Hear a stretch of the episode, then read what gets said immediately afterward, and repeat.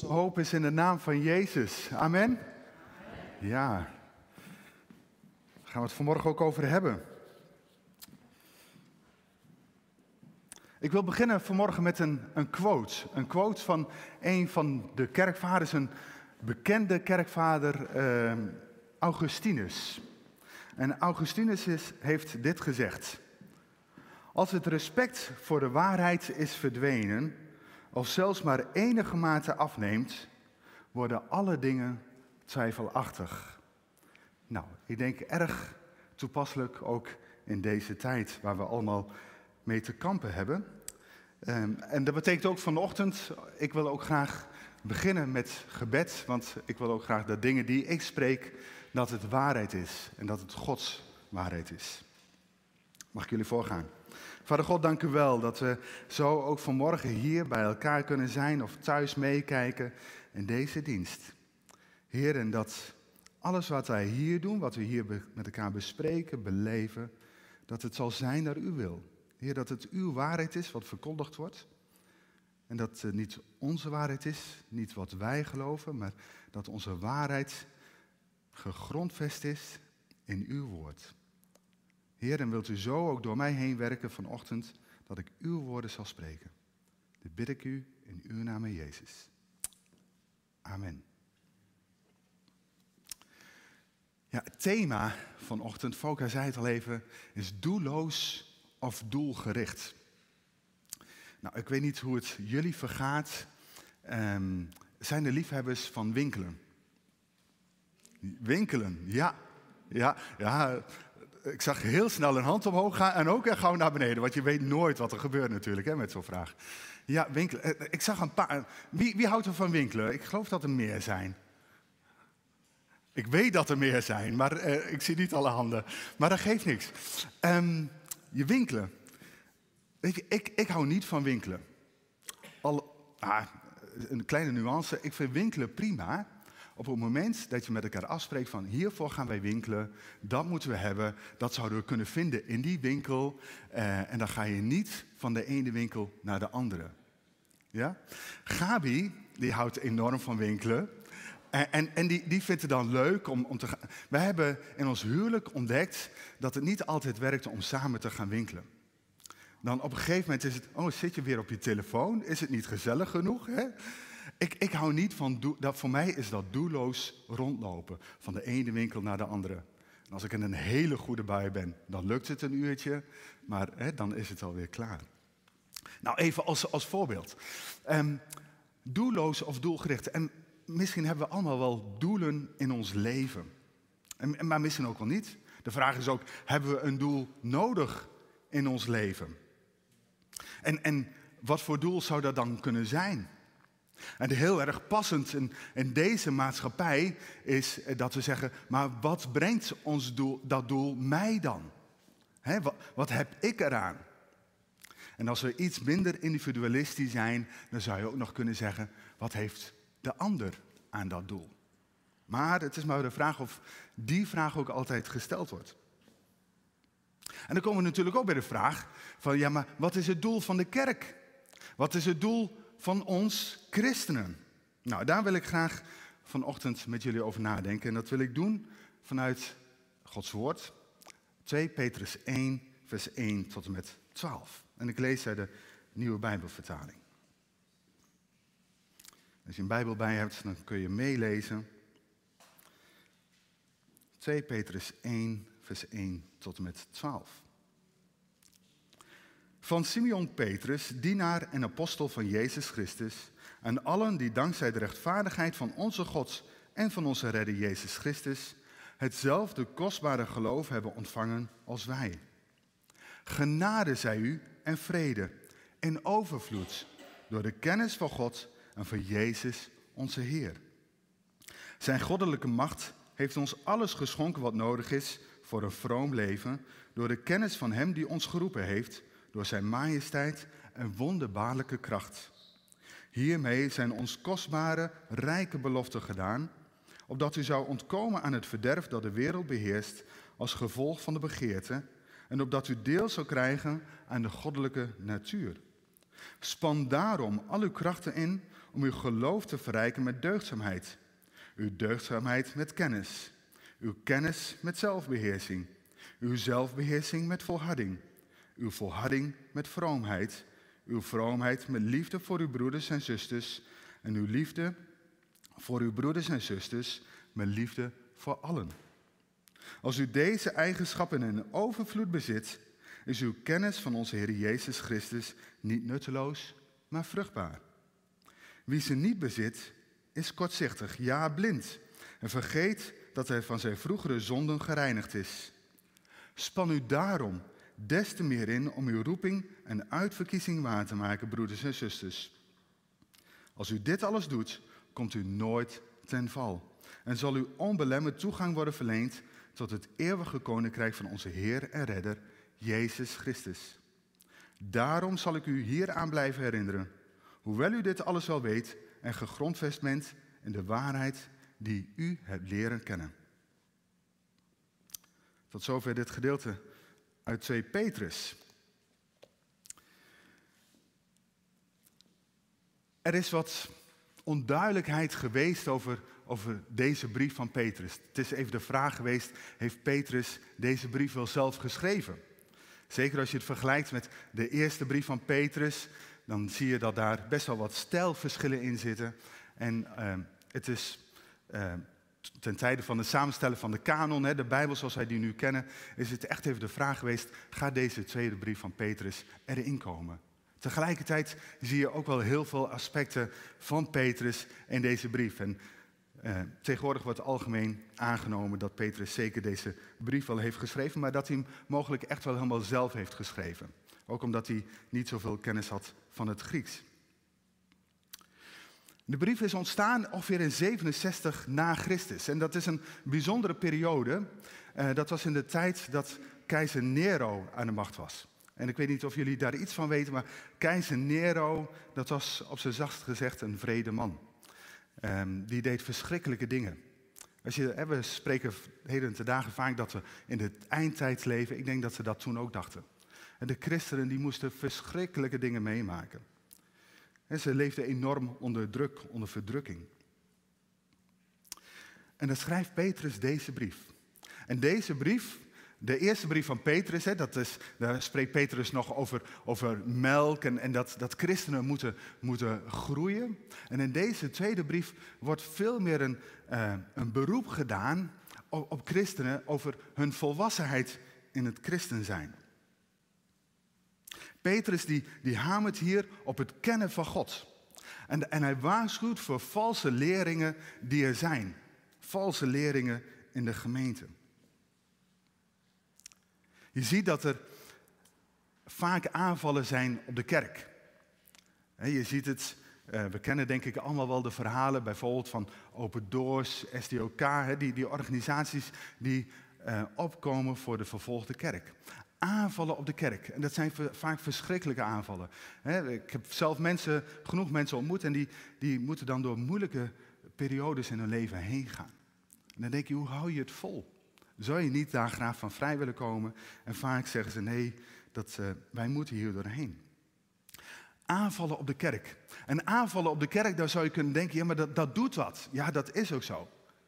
Het bijzondere is dat aanvallen op de kerk van buitenaf en die hebben wel impact, maar vaak zorgt het ook voor groei van de kerk.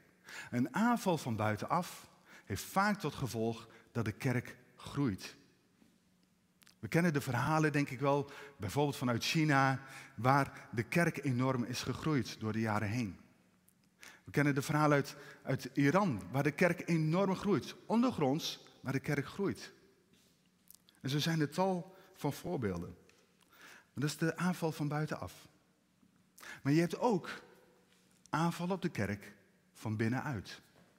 En een aanval van binnenuit, hè, dat is vaak oneenigheid, dat je het niet met elkaar eens bent, dat je meerdere kampen krijgt in de kerk. En een aanval van binnenuit, dat holt een kerk uit. Dat maakt een kerk zwak. Dat maakt dat een kerk geen invloed meer heeft. Nou, als ik kijk naar de staat van de kerken in Nederland. Nou, misschien hebben we dan te maken gehad met die uitholling van binnenuit. De kerk in Nederland is gewoon niet sterk. Laten we eerlijk zijn. Daar is nog veel te winnen met elkaar.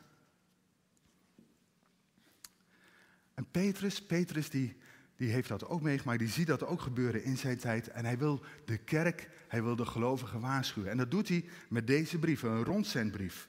En hij begint deze brief heel mooi. Hij schrijft hem aan alle gelovigen. En daarin laat hij zien dat, dat die eenheid onder die gelovigen dat die belangrijk is. daar, daar moet aan gewerkt worden. En dan zegt hij daar dat, dat met deze woorden. Hij heeft het over hetzelfde kostbare geloof als wij. Hetzelfde kostbare geloof wat de apostelen hebben ontvangen door Jezus Christus. En wat doet Petrus? Hij zet als het ware de, de gelovigen, de, de gelovige Joden, de Joden die Jezus als Messias hebben aangenomen, die zet hij op één lijn met de heidenen die Jezus hebben aangenomen als Heer en Heiland. Die staan op gelijke hoogte. Die zijn gelijk aan elkaar, gelijkwaardig. Maar dat is niet een gelijkwaardigheid gekregen door eigen toedoen. Ze hebben daar niet zelf aan gewerkt. Maar het is rechtvaardigheid door onze redder, door onze God en Jezus Christus, onze redder. En daarin toont Petrus direct ook de, de kracht van Jezus Christus. Jezus is God. Maar die, die groet gaat verder. En dan, of dan komt daar een hele mooie groet. En ik denk dat het dat een groet is die we. Hè, wij zeggen altijd even een goeiemorgen of uh, vraag even hoe is het. En dan verwacht je eigenlijk niet af en dan verwacht je dat iemand zegt ja goed. Maar dit is zo'n mooie groet. Genade zij u en vrede. Wat zou je dat wensen als je iemand in de stad tegenkomt en die zegt tegen jou, genade zij u met vrede? Of denk je dan, nou, die staat niet meer bij beide benen op de grond hoor. Die is, uh... Dat zeg je toch niet? Maar Petrus zegt het, genade zij u en vrede. En dan vervolgt hij dat. Want het is niet alleen maar genade zij u en vrede. Nee, in overvloed door de kennis van God en Jezus Christus. Je hoort het wel eens zeggen dat in plaats van dat de kerk de wereld in moet gaan, hè, dat, dat is denk ik een opdracht van de kerk, hè, we moeten de wereld in gaan, maar dat de wereld, de kerk is binnengekomen. En daarmee wordt dan bedoeld van, ja, in hoeverre zijn wij eigenlijk anders, in hoeverre zijn wij verschillend ten opzichte van de wereld. Nou ja, goed, en dan, dan kun je al snel wat discussies hebben. Hè? Dan, dan, ik heb het al meegemaakt, hè? dan heb je al heel snel uh, de vergelijking met bijvoorbeeld, nou hoeveel echtscheidingen zijn er in de wereld en hoeveel echtscheidingen zijn er in de kerk? Of uh, ja, weet je, uh, we, laten alle normen en waarden maar los en, en alles moet maar kunnen. Hè? alle vormen van, van samenleven, het, het moet kunnen. En, en, en dat zie je dan ook in de kerk. Ja, dat is waar. Maar eigenlijk is dat ook wel heel gemakkelijk om, om die vergelijkingen te maken. met name wanneer je daar zelf niet zoveel mee te maken hebt. Dan kun je daar heel gemakkelijk over spreken.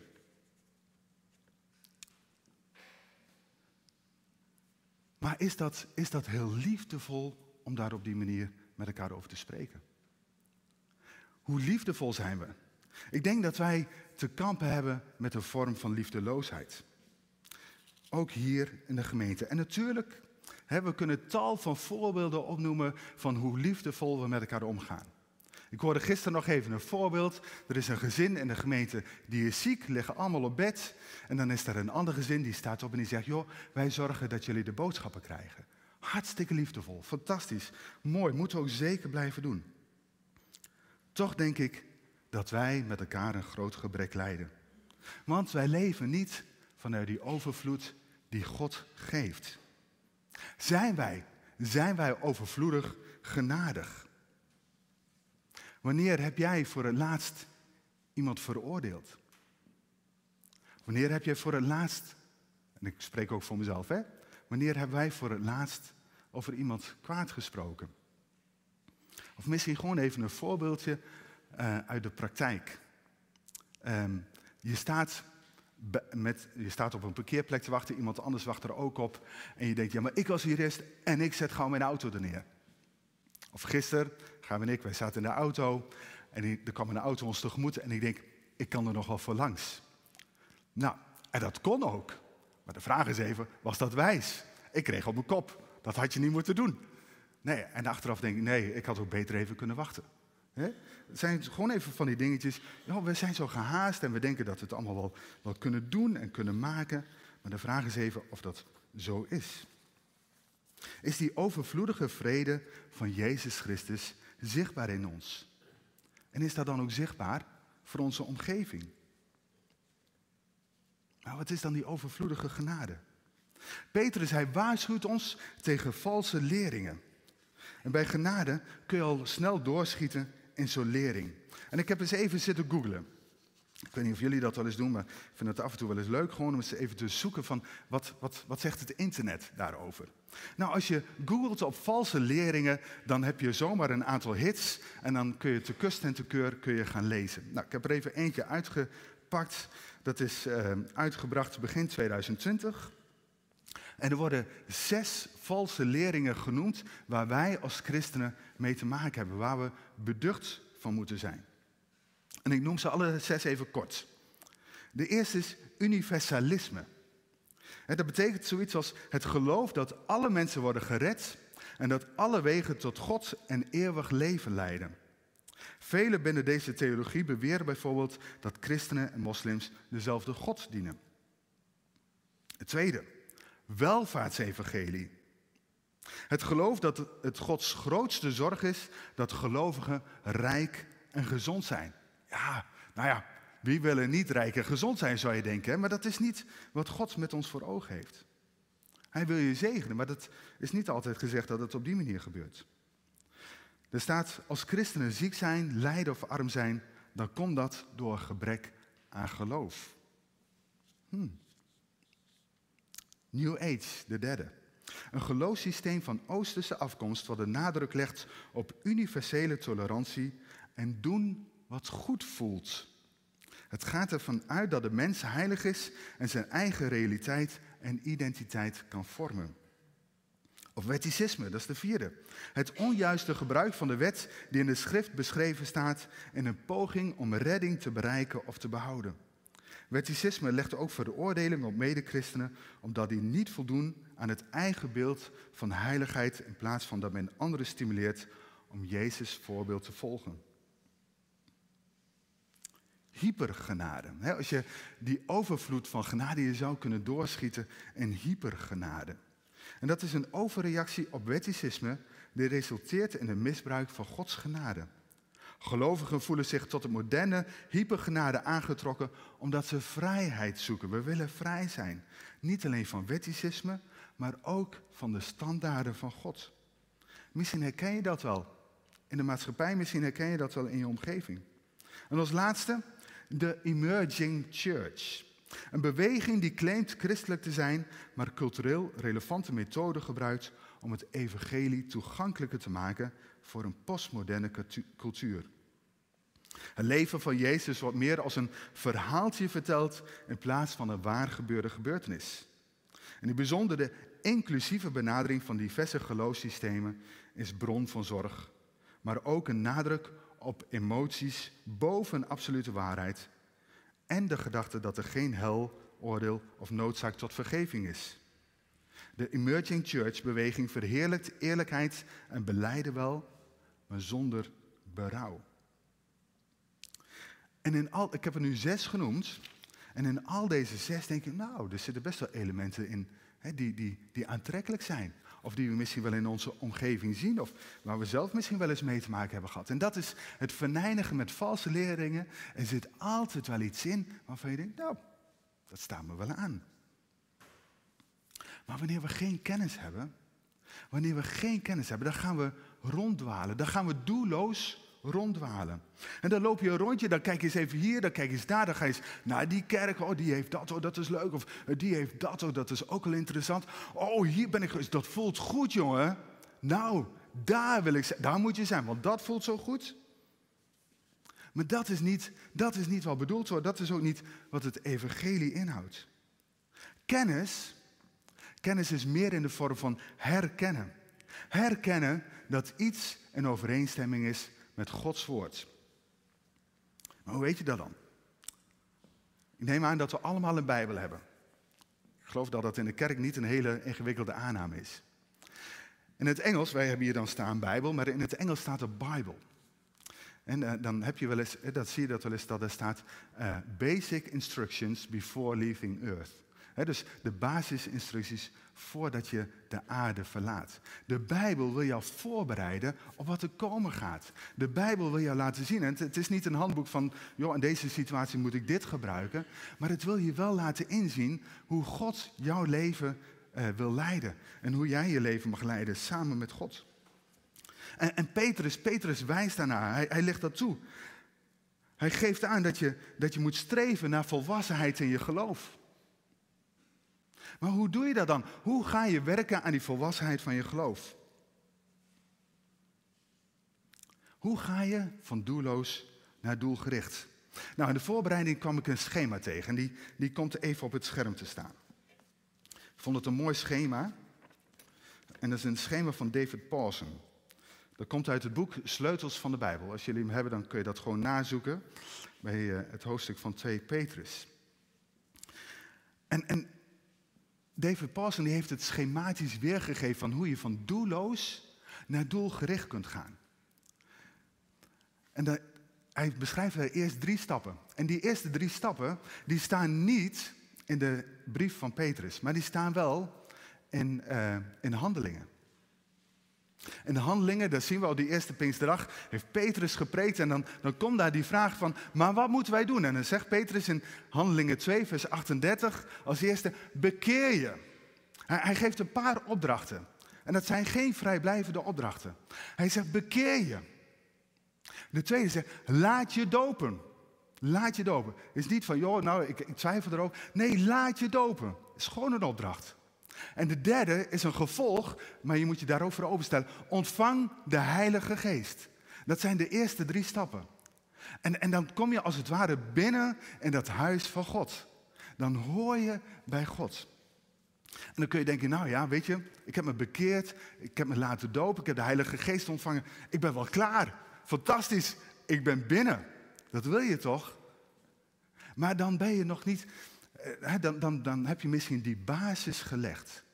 Maar er is zoveel meer. Zoveel meer wat God je wil geven. Want uiteindelijk, als we het hebben van doelloos naar doelgericht, David Paulson heeft het mooi weergegeven, dan is daar die heerlijkheid met God.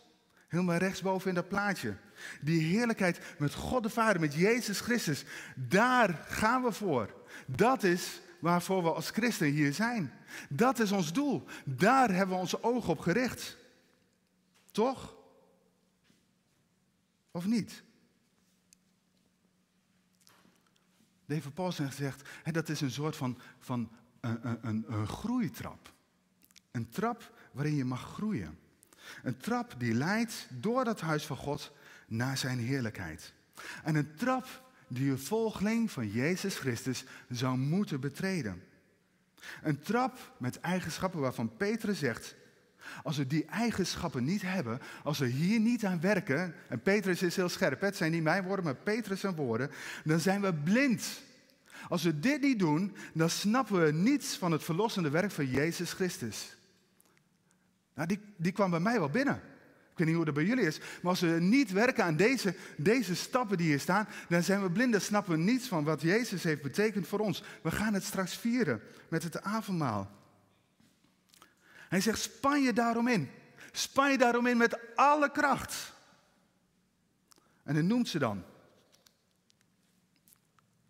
Deugdzaamheid. Die eerste stap is deugdzaamheid. Deugdzaamheid is niet een woord wat wij nog vaak gebruiken. Maar je mag het ook vertalen met betrouwbaarheid, eerlijkheid. Hoe betrouwbaar en eerlijk ben ik, ben jij als christen zijnde? Kan iemand blindelings op jou, op mij vertrouwen? Ik geloof dat het moet. Ik geloof dat wij als christenen zo te boek moeten staan dat er blindelings op ons vertrouwd kan worden. En dan is die volgende stap kennis. Kennis, dat is het leren kennen van God, zijn woord. Ik hoorde van de week iemand zeggen, oh schrijf ik weet niet meer precies, maar die, die schreef, hij schreef, hij schreef, joh, ik, ik heb in mijn leven al zeker de hele Bijbel gelezen en nou, ik weet al aardig wat erin staat. Nou, dat, dat vind ik knap. Ik vind het knap als je het na twee keer lezen, de Bijbel, hè, eh, na twee keer de Bijbel gelezen hebben, weet wat erin staat. Ik, ik, lees nu, en dat is helemaal niet om mezelf, ik lees nu voor de, de vierde keer achterin volgt dit, de Bijbel in een jaar en ik vind het fantastisch. Ik denk nu al van, wat ga ik volgend jaar doen? Ga ik stoppen? Ik, ik wil eigenlijk niet meer stoppen. Want elke keer weer als ik Gods woord lees, dan ontdek ik zulke mooie nieuwe dingen. En natuurlijk, de ene dag is echt wel anders dan de andere dag. De ene dag kan ik beter mijn gedachten erbij houden dan de andere dag. Maar telkens dan zie je die, die enorme mooie verbanden die er zijn. En hoe God spreekt door zijn woord. Dat is zo'n rijkdom. Kennen ze, leren kennen van God en zijn woord. Dat is zo belangrijk. Zelfbeheersing of zelfdiscipline. Nou, hebben wij zelfbeheersing? Ik merk bij mij gaat het steeds een beetje beter. Ik leer steeds meer te ontdekken. Zelfdiscipline. Nou, de ene keer gaat het echt beter dan de andere keer. Vul het voor jezelf op in. Maar denk erover na. Hoe, hoe ontwikkel je je daarin? Volharding. En dat is die volgende trede. Geduld, stand houden en blijven verwachten. Volker benoemde, zaterdag hebben we weer een gebedsmoment. We hebben, eh, gaan ook als gemeente natuurlijk in die zin een spannende tijd tegemoet. Het is de vraag of het heel spannend is, maar we hebben een spannende tijd van straks vanaf maart hebben we misschien geen dak meer boven ons hoofd. Maar durven wij te volharden? Durven wij te geloven dat God iets goeds voor ons in petto heeft? Durven wij erop te vertrouwen dat ondanks het straks maart is en we hebben nog niet wat anders, of hè, het is bijna maart en we hebben nog niet wat anders, dat God nog steeds zegt, maar ik ben erbij. En als we nu wel of niet een dak boven ons hoofd hebben, maakt dat onze gemeente anders? Is dat belangrijk? We vinden wel wat. We vinden wel manieren om samen te komen. Dat dak is lekker, het is comfortabel, het is warm, we kunnen hier zonder jas zitten. Heerlijk. Maar daar gaat het niet om. Het gaat niet om dat dak boven ons hoofd. Maar het gaat dat we leren volharden. Leren volhouden. Leren vertrouwen op God. Vroomheid is die volgende stap. Vroomheid heeft te maken met godsvrucht. Wat is zichtbaar in ons leven? Is die godsvrucht zichtbaar in ons leven? Zien andere mensen dat? En dat uitzicht dan in liefde, broederliefde. Broederliefde, dat is die Philadelphia-liefde, dat we naar elkaar omzien. Ik gaf net even dat voorbeeld van boodschap halen voor elkaar. Dat is al een vorm van broederliefde. En dat mag nog veel meer groeien in die kring van gelovigen. Galaten 6 zegt, het doe goed voor een ieder, maar in het bijzonder voor uw geloofsgenoten. We moeten voor elkaar klaarstaan. En dat is niet alleen in deze kerk, dat is onder geloofsgenoten. Dat is over kerkmuren heen, over landsgrenzen heen. En dan volgt die ultieme stap in liefde, die agape-liefde. De liefde voor allen, en daar wordt mee de agape-liefde bedoeld. En dat is een zelfopofferende liefde. En wie is ons ultieme voorbeeld in die zelfopofferende liefde? Jezus. Ja. Wij moeten op Jezus gaan lijken. Jezus alleen. Die liefde die mogen wij laten zien aan de mensen om ons heen, aan de wereld om ons heen. En als we die liefde laten zien, dan is dat de vervulling van ons geloof. En deze stappen die helpen je toegroeien naar die heerlijkheid die ons wacht als we bij Jezus zijn. En in de gemeente, in de gemeente willen we hier samen in optrekken. En dat samen, dat betekent dat we dat echt met elkaar willen doen. En dat samen betekent dat we elkaar ook moeten opzoeken. Dat samen betekent ook dat we het verlangen moeten hebben om elkaar te zien. Dat we het verlangen hebben om, om samen Jezus te aanbidden. Om samen eh, deze vieringen te hebben. Om samen avondmaal te vieren. om, om weer ergens samen te komen. Zoveel mogelijk. En, en we hebben nog te maken met die beperking. Ik hoop zo dat die er snel afgaan, dat het weer kan. En natuurlijk, we moeten zorgvuldig zijn. We moeten zorgen dat het veilig is. Maar het is zo belangrijk om het samen te doen. Als je kijkt naar dit plaatje, dan zie je een driedelig thema. De gemeente die moet gegrondvest zijn op dat geloof. Moet gegrondvest zijn op dat woord van God. En daarbinnen, daarbinnen groeien we in die hoop, in die hoop op die heerlijkheid. En dan we ons vullen met liefde, die liefde van Jezus Christus. En ik geloof dat we dit nodig hebben als gemeente. En dat we het moeten laten zien naar buiten. Want het is niet, het is leuk als we het goed hebben met elkaar, maar daar gaat het niet om. Het gaat erom dat de wereld het ziet. In Handelingen 2, de, de mensen die, die zagen het. Hè, die, gemeentes, die, die gemeente die kwam samen en er ging zoveel van uit dat de mensen kwamen. De mensen kwamen naar de gemeente toe. Ze waren zo enthousiast van wat daar gebeurde en ze wilden zich erbij aansluiten. Daar gaat zoveel van uit als we dit gaan laten zien, dat we zo met elkaar gaan optrekken. En Petrus, Petrus roept ons op om ons in te spannen, om onze roeping en uitverkiezing waar te maken. En dat betekent dat we ons moeten inzetten om ons doel te bereiken. En wat is ons doel? God eren, Hem dienen, Hem bekendmaken, Zijn woord toepassen in ons leven.